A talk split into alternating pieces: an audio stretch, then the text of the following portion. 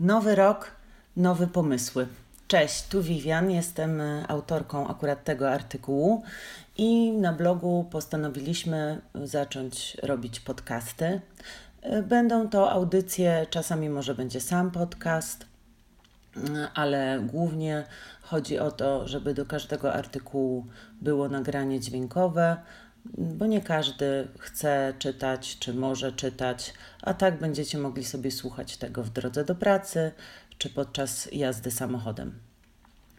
Dzisiaj, z okazji zbliżającego się nowego roku, chciałam Wam złożyć e, ja i cały zespół, wszyscy autorzy, którzy piszą na blogu Emocje, wspaniałego roku 2017. Będę jeszcze na pewno o tym pisać, a tymczasem e, artykuł który zawiera życzenia dla rodziców, a jest o tym, jak być dobrą matką. Taki jest tytuł. Natomiast chodzi o to, jak w ogóle być dobrym rodzicem, aczkolwiek na matkach często ciąży mm, ogromna odpowiedzialność. Dobrym rodzicem być. Chwytliwy tytuł, jednak ja chciałabym to opisać z perspektywy osoby, której ciężko dostosować się do nowej roli. Nie każdy cieszy się z ciąży. Kobieta mogła zajść w ciąży przypadkowo, mogła zostać zostawiona przez swojego partnera, albo sama zadecydowała, że ten związek nie ma jednak sensu. Może bardzo źle się czuć w ciąży, może nawet mieć depresję.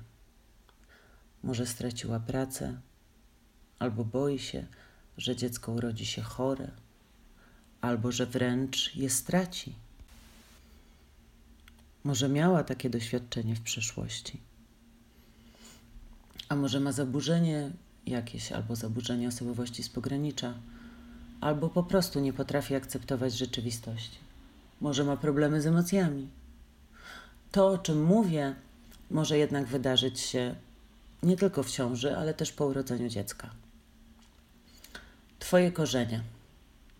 Weźmy 22-letnią dziewczynę, jedynaczkę, która od zawsze chciała mieć dziecko, nie zdając sobie sprawy dlaczego. Być może na terapii dowie się, że zawsze czuła się samotna, a dziecko było szansą, e, żeby ulżyła sobie w tym poczuciu samotności. Ten przypadek, jak większość przypadków opisanych na blogu, chyba że jest zaznaczone inaczej, jest przypadkiem fikcyjnym. Więc ta dziewczyna nie ma zielonego pojęcia, z czym wiąże się rodzicielstwo. Nigdy nie miała żadnych obowiązków albo miała tylko parę obowiązków, a jej życie płynęło głównie na przyjemnościach.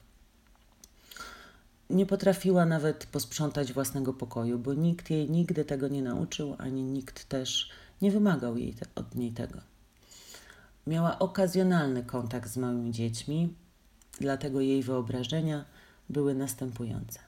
Będę miała słodkiego, różowego berbecia, którego będę przytulać, całować, uczyć różnych rzeczy. Dam mu wszystko to, czego sama nie zaznałam w dzieciństwie. Będę cudowną matką. Będę cudowną matką, bo chcę taka być. Poza tym, jak urodzę, to ogarnie mnie wielka miłość do tego dziecka, która doda mi sił. Przecież poświęciłam się małżeństwu. Nauczyłam się dbać o dom, gotować, sprzątać. Z dzieckiem też sobie świetnie dam radę. Problemy. W przypadku tej dziewczyny ciąża już okazuje się fatalnym przeżyciem, ma wszystkie nieprzyjemne objawy. Dziecko na szczęście jest zdrowe, ale mąż zaczyna ją zdradzać. Oprócz tego wypomina jej, że już nie ma ochoty wychodzić z nim wieczorami, e, że straciła ochotę na seks i tak dalej. W końcu po fatalnym, bo też zaskakująco ciężkim doświadczeniu porodzie rodzi się dziecko. Męża nie ma. Dziewczyna sądzi, że jest u kochanki. I ona zostaje z tym dzieckiem całkiem sama. I wtedy następuje szok. Jeszcze w dzień porodu ludzie dzwonili i pytali się, jak ona się czuje. Natomiast 24 godziny później, kiedy dziecko już jest na świecie, nikt nigdy. Tak to wygląda w jej głowie. Nie zapyta już, jak ona się czuje. Wszyscy pytają wyłącznie o dziecko. To oczywiście dopiero początek koszmaru, który powoli dociera do niej. Jej życie nigdy nie będzie już takie samo. Wszystko się zmieniło. Mąż ją zdradza. Najchętniej zrobiłaby coś szalonego, głupiego. Ewentualnie rzuciła wszystko i wyjechała w Bieszczady. Niestety. Zaczyna się czuć jak zakładnik. Nie może się upić, nie może się zabić, nie może uciec. To koniec.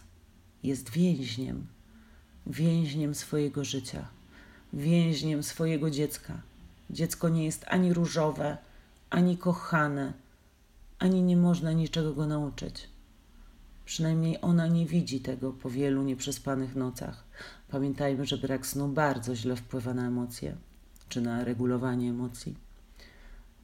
Żeby było jeszcze gorzej, tą dziewczynę męczą straszliwe wyrzuty sumienia, a nawet ogarnia ją wstyd.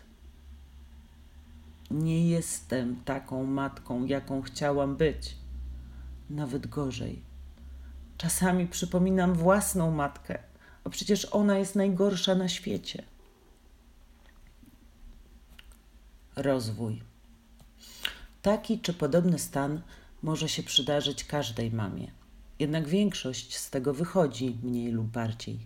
Miłość do dziecka rozwija się i w końcu pomaga im wziąć się w garść.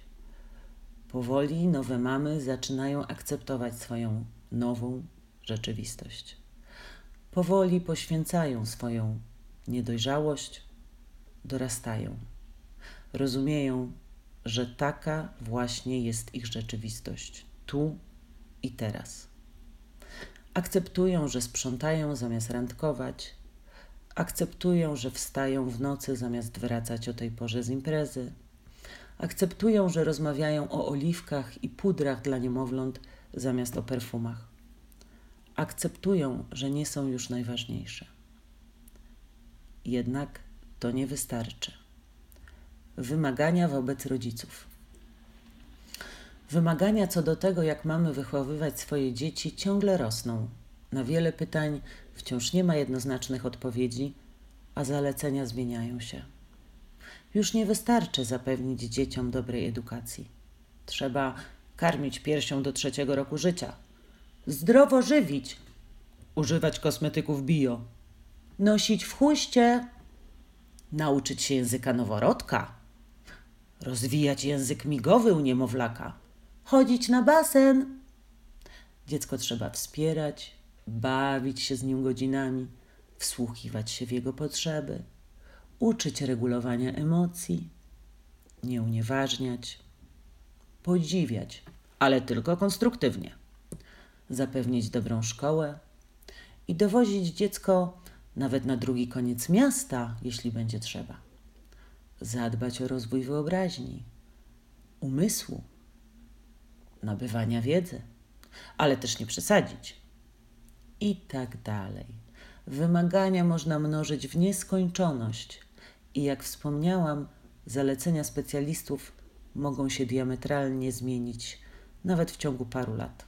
Także jedno dziecko wychowamy według innych wskazań, a drugie dziecko urodzone parę lat później będziemy wychowywać w zupełnie nowy sposób. Jeśli będziemy podążać za wskazaniami specjalistów, oczywiście. Dobre wychowanie, zdrowa psychika.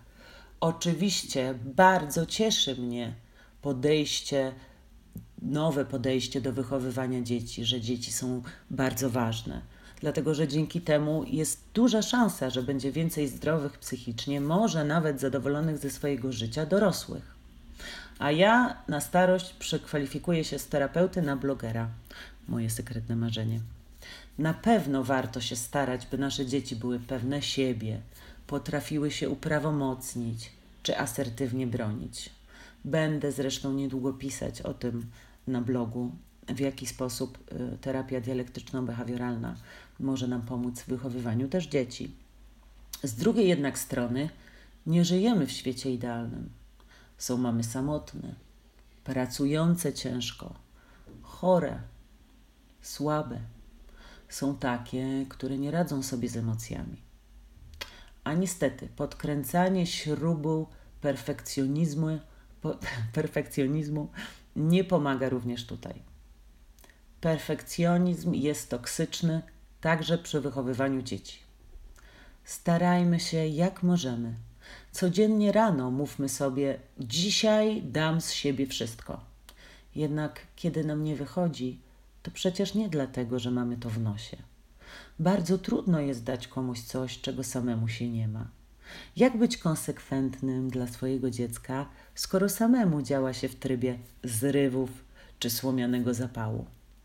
Jak nie krytykować swojego dziecka, jeśli sami sobie dowalamy co chwilę, że je źle wychowujemy, czy że jesteśmy beznadziejną matką? A dzieci uczą się przez naśladowanie. Będą odnosić się do siebie samych, tak jak my do siebie mówimy. Będą zachowywać się tak, jak my się zachowujemy. Więc jeśli chcemy, żeby dziecko nie używało telefonu, a sami jesteśmy zrośnięci z naszą komórką, to będzie to trudne. No i teraz życzenia dla wszystkich rodziców. Pamiętajcie, skąd sami wystartowaliście, jakie mieliście dzieciństwo, jak byliście traktowani. Starajcie się najlepiej, żeby było dobrze, ale pamiętajcie, że sami też byliście dzieckiem i również zasługujecie na swoją miłość, szacunek wobec siebie i współczucie. Jeśli będziecie dla siebie łagodni, wasze dzieci też takie będą. Tego Wam życzę w nowym roku. A dla wszystkich rodziców, którym się wydaje, że są całkowicie odpowiedzialni za to, jakie ich dziecko będzie, wspaniały wiersz Kalila Gibrana. Wasze dzieci nie są waszymi dziećmi. Są synami i córkami powołanymi do życia przez życie. Przychodzą przez was, ale nie z was. I choć są z wami, do was nie należą.